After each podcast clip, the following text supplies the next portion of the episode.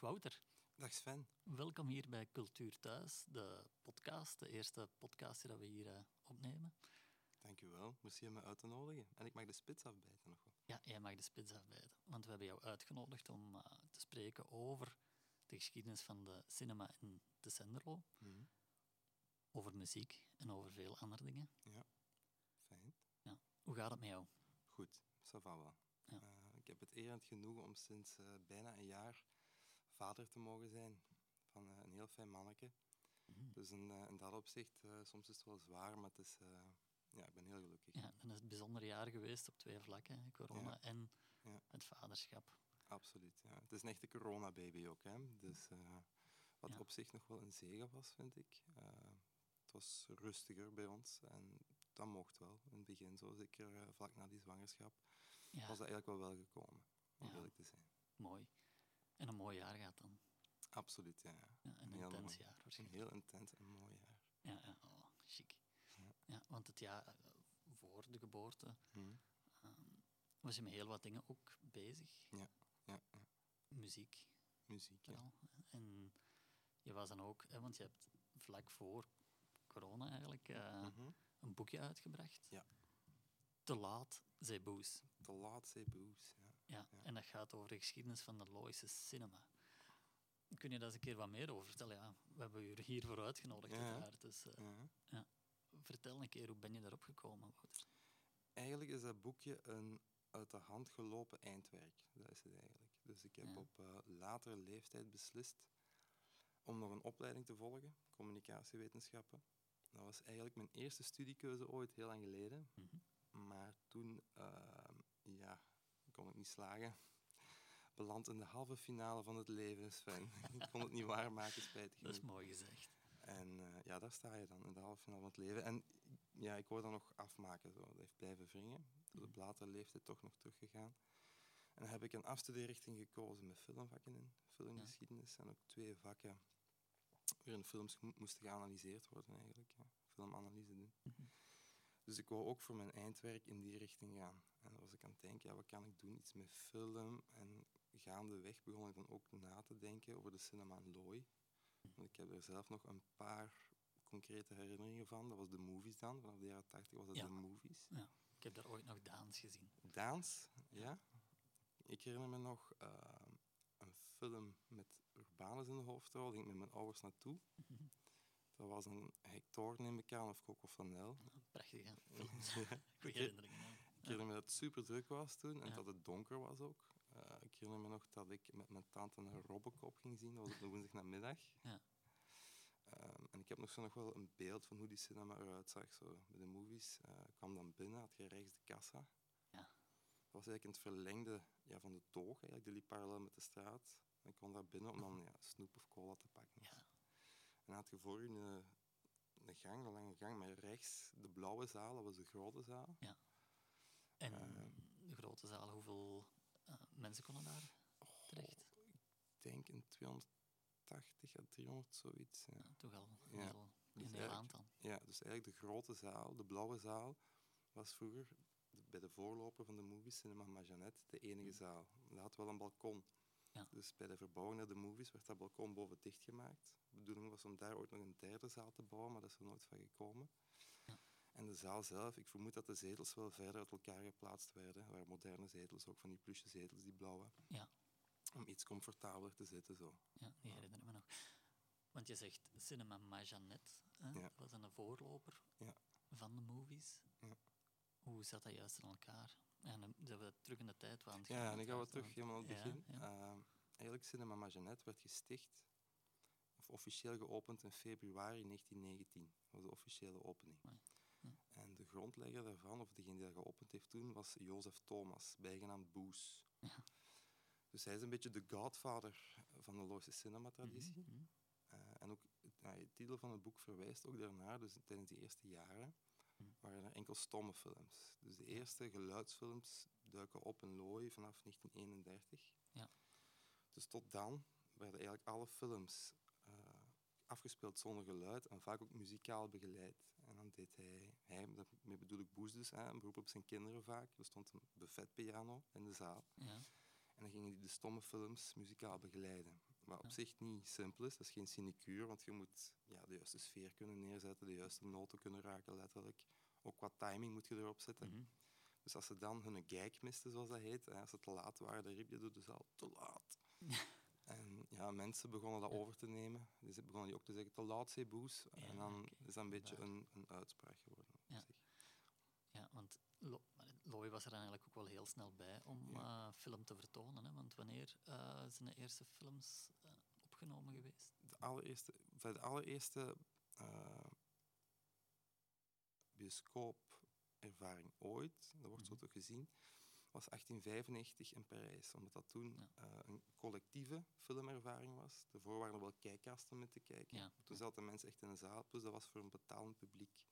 Dat was december 1895. En Jozef Thomas Boes, dus die Cinema Magenet gesticht heeft, Ja. Heeft ook de allereerste filmvoorstellingen gedaan in Looy. Dat was 1901. Ja, toen een herberg, eh, op het Heuveltje heette dat. Dat is eigenlijk het verlengde van de Geragenstraat. Dus als je van Geragenstraat komt, Ja. passeert je eerst het Zolveld. Ja. Er nog verder, komt je uit op de Diesterstraat. Hè. Dat een stukje tussen het Zolveld en de Diesterstraat had hij een herberg. Ja. En daar heeft hij de allereerste filmvertoningen ooit gedaan. Dat heette dan een café concert cinema. Mhm. Dus hij had een café waar hij een gelegenheidsvertoning deed. Maar hij was ook chanteur comique, heette dat. Dus Ja. er waren ook optredens. Tussendoor werden er liederen gezongen. Dus dat is de eerste voorstelling ooit, 1901. Terwijl eigenlijk die vertoningsvorm pas echt een opflakkering kent vanaf 1905. Want toen was Mhm. er een wereldtentoonstelling in Luik. Toen gingen ze in de cafés in Luik, in en rond Luik in het centrum, gingen ze ook zo in cafés gewoon voorstellingen doen. Ja. Dus die boom komt er iets later, dus hij heeft hij eigenlijk wel best vroeg naar de scène gebracht. Hè. Dus hij is echt wel ja, pionier en een beetje de godfather. Ja, een intrigerend persoon. eh, ja, absoluut. Ja, die ook ja, zijn tijd vooruit was, laten we zeggen. Ja, ja, ja. Want ja, dan is het eigenlijk allemaal een beetje beginnen te rollen hier in de Senderlo. Ja.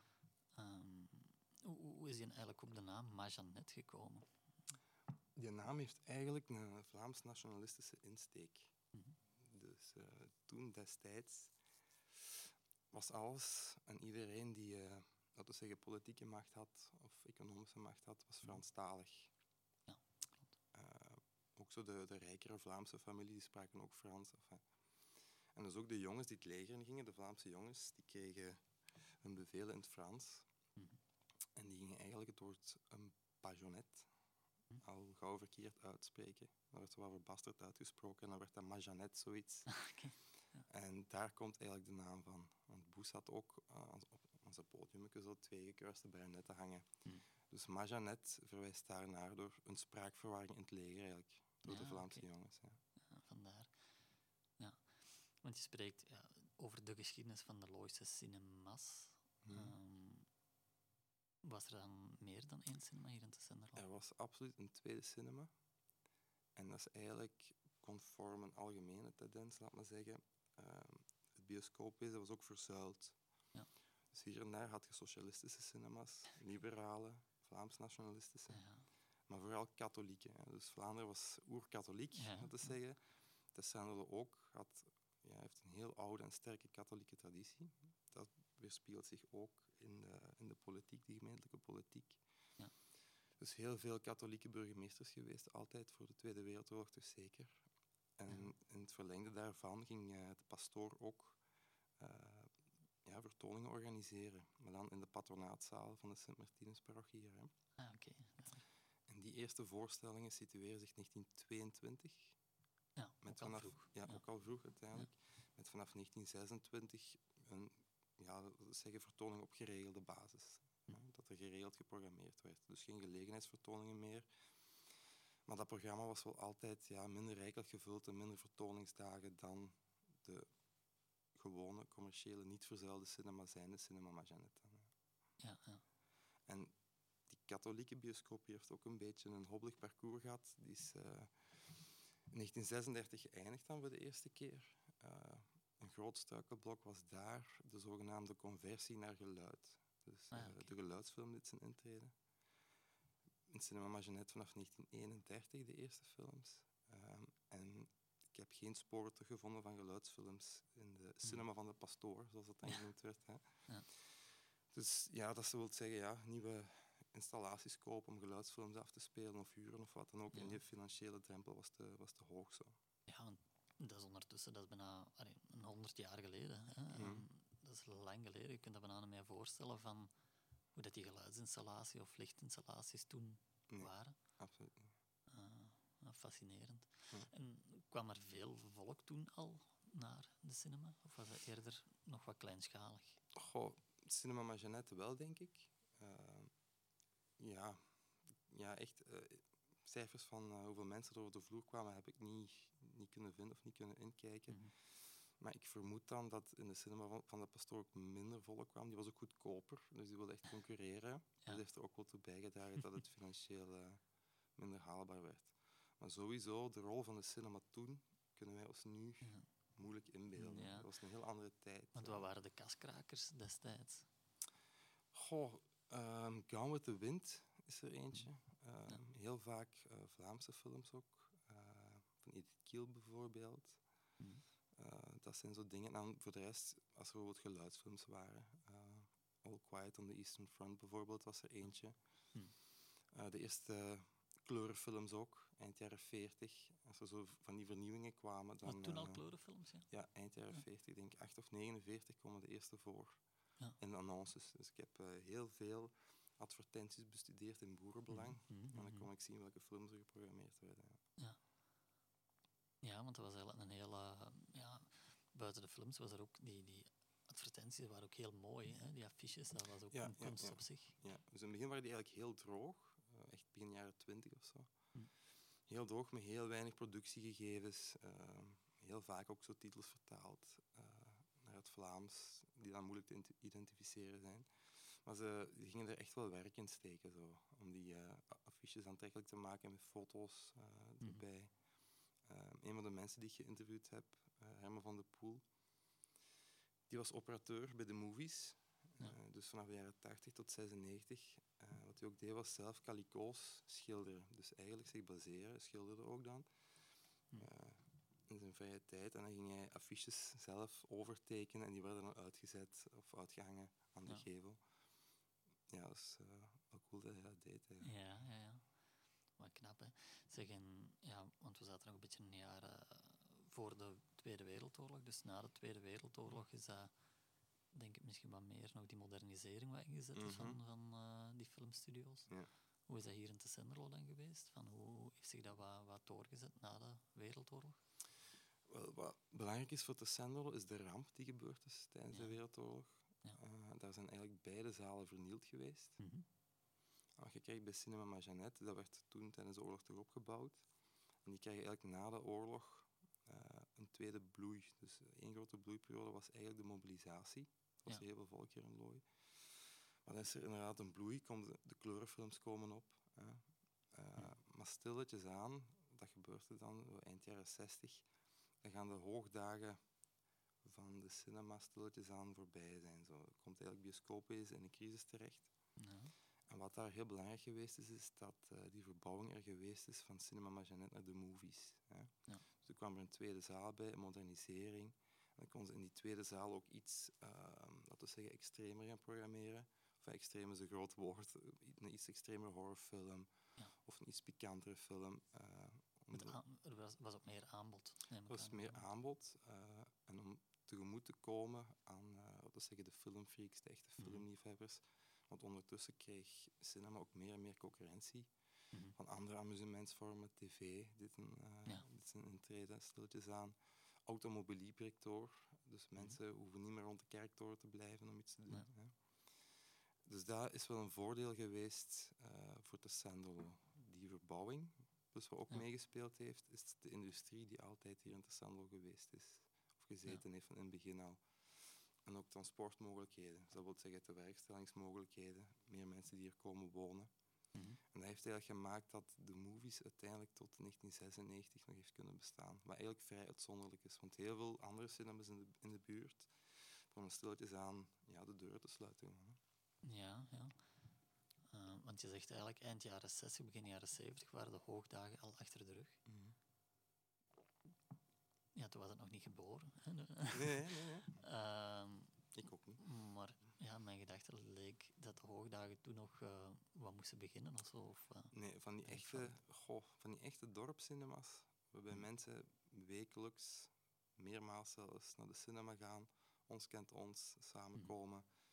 Ja, nee, dat, is, dat begon toen al. eh, dat was eigenlijk ook een heel sociaal gegeven, dan naar de cinema gaan. ja, absoluut. Dat was een Ja. heel sociaal gegeven. Wat dan nu meer een individueel iets, als je nog eens een keer gaat, dan ga je eh, als koppel naar de cinema Ja, of, of ja, met absoluut. vrienden of vriendinnen. Dat is niet dat je dan met een hele groep afspreekt. Allee, Nee. soms ook wel. Dus heb ik ook Maar- uit, uit de interviews, Elsa van de Kraam bijvoorbeeld, die heeft hier in het Lo het café nog uitgebouwd met een man tijdens de jaren 80. Ja.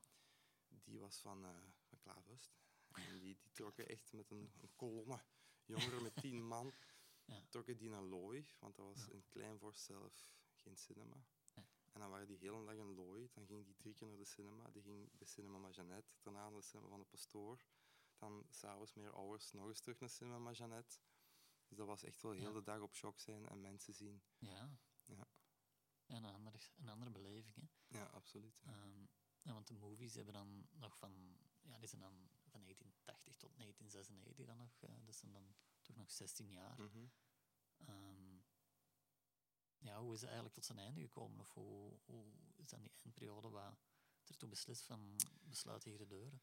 Eh, concurrentie van andere bioscopen in de buurt, zeker in steden en grootsteden, die grotere complexen Mhm. begonnen te bouwen eigenlijk. Mhm. Eh, en eigenlijk om mee te kunnen, hadden ze eigenlijk ja, nog eens moeten verbouwen of nog een breder aanbod kunnen hebben. Of... En toen heeft uiteindelijk Kruidvat een aanbod gedaan om dat te huren, dat pand. Ja, dus Kruidvat zit er nog altijd. Ja. En dat is ook wel typisch voor die dorpscinema's van vroeger. Die waren heel centraal gelegen.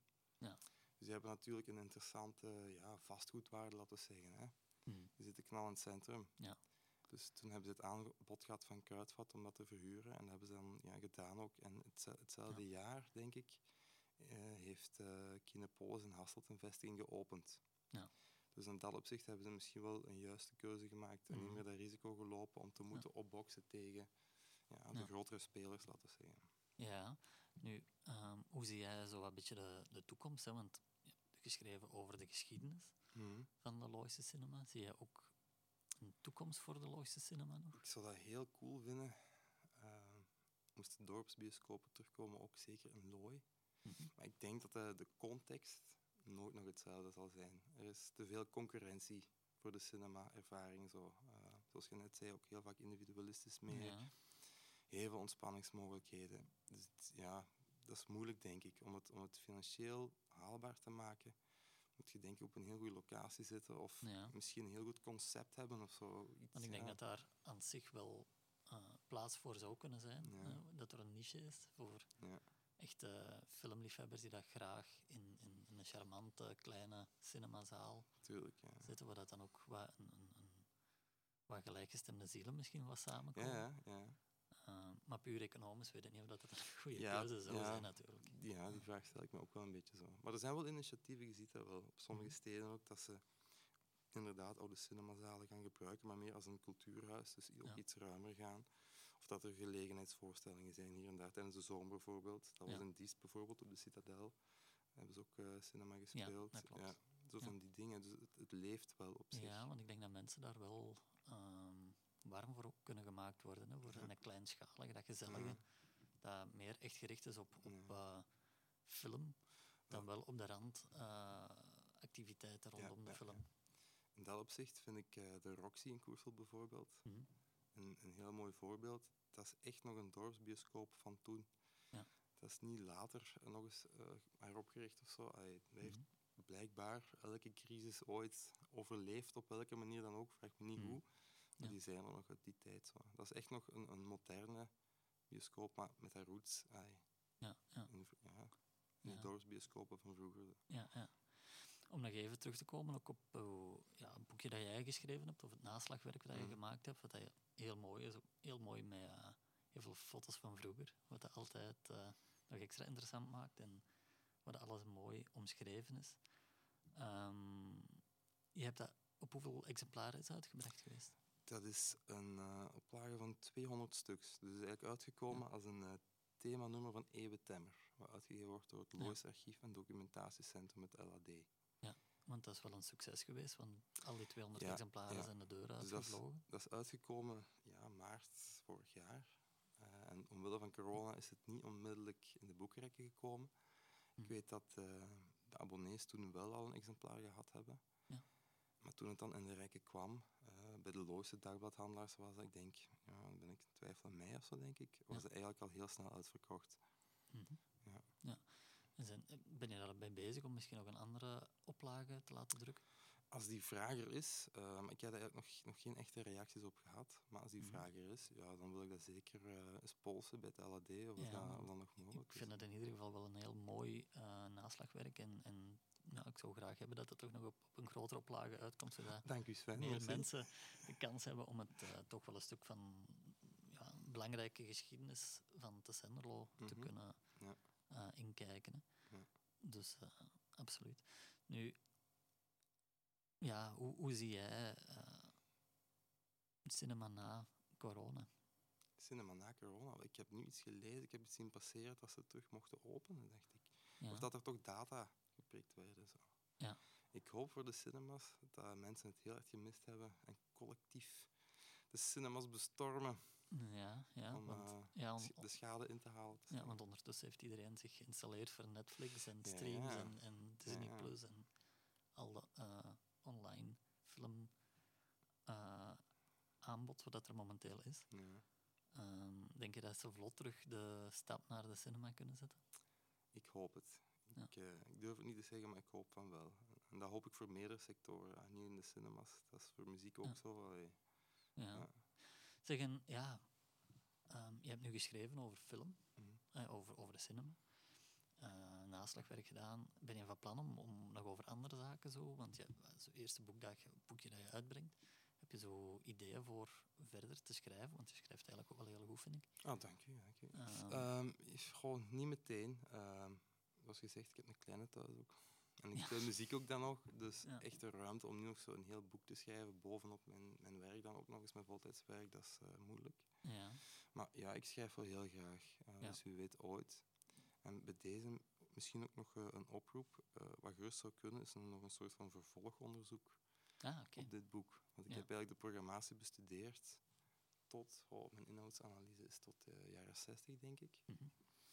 Dus er is nog heel veel archiefmateriaal in boerenbelang. Dus advertenties die geplaatst werden vanaf de jaren 70, 80 door de movies ook. Ja. Dus mijn inhoudsanalyse, echt die exacte programmatie wat er vertoond werd, daar ben ik niet op ingegaan. Nee. Dus als iemand ooit tijd en goesting heeft om dat te doen, waarom niet? Eh, dus Ja, wie weet ooit nog een vervolger op. dat zou wel heel fijn zijn. Ja. We gaan even een maken, want je bent ook muzikant, Wouter. Ja. Eh, hebt al een heel wat eh, groepen meegespeeld, op Pukkelpop gestaan. Ehm, momenteel bij Monophone. Ja. Ehm, onlangs was daar een livestream van te Ja, zien in ja, de SEMA in Genk. Ja. Sinds lang nog eens kunnen optreden. Dat die dit deugt, Dat ja. absoluut deugt, ja. Ja. Monofoon is eigenlijk eh, het eh, geesteskind van een koppel, Koen en Siske heette die. Ja. Die eigenlijk dansvoorstellingen maken, maar dus ook muziek maken samen. En die hadden een plaat uit, Different Shapes heet die. Die zou uitkomen vorig jaar in maart ook, net zoals dat boek. Of ja, die is ook uitgekomen, die plaat. Maar natuurlijk corona-gewijs, ja, niet kunnen gaan spelen, niks kunnen gaan opbouwen qua promotie of wat dan ook. Mhm. Dus dat was echt wel eh, een, ja, een tegenvaller. Eh, en nu dan toch nog eens na meer dan een jaar zelfs, Ja. toch nog eens die oude nummers gaan repeteren van toen eh, en die eh, gaan voor een, een livestream dan, hè, eenmalig. eh. Maar Ja. er is ook eh, licht aan het eind van de tunnel, laten we zeggen. Dat is hopen tegen de zomer, dat er toch iets meer ruimte is om dingen te doen. Ja. Dus dat is eh, iets waar ik eh, aan meegewerkt heb. Zo. En dan ben ik nog bezig met de Frankie Traandruppel, heet dat. Ah ja. Ja. Dat is, ja, Lee. Ja, dat is eigenlijk het solowerk van eh, Lee Swinne. Ik heb met hem Ja. samengespeeld in Tube Light, Ja. wat nu zo stil ligt. Hij maakt ook zelf nummers op zijn eentje en hij heeft eigenlijk de eerste EP's al eh, helemaal Ja. zelf ingespeeld. dus is hij schrijft de muziek, Ja. eh, hij speelt alles zelf in en nu de laatste opnames hebben we met band ingespeeld ook. Ah ja. Eh, dus dan gingen we af en toe eens een dag opnemen. En hij is dan nu volop aan, aan het mixen. Dus er gaat hopelijk Ja. nog één deze een EP aankomen. Ja. Dus dat zijn de dingen waar je dan toch alsnog, ondanks corona, mee bezig kon zijn op muzikaal vlak. Ja, ja, dat is mooi. Hè. Dan hopelijk dat er binnenkort inderdaad terug heel wat mooie optredens en eh, ik ga mee op de eerste rij staan. terug. Oh, dank je. Dank je, merci. Ja. Wel wuiven mij. Ja, Wouter, heel erg bedankt. Eh, we hebben een hele fijne babbel gehad over cinema, over muziek en over uw, uw zoon, hè, Door. Ja, ja. Dat heel fijn ook om te horen hoe dat het allemaal... eh, ja, dat een bijzonder jaar geweest is voor u. hè, En dat het Ja. ook wel mooi is om vader te kunnen worden. In veel opzichten, ja. Ja, ja. Heel erg bedankt. Dat is heel graag gedaan. Dank je wel, Sven. Ja.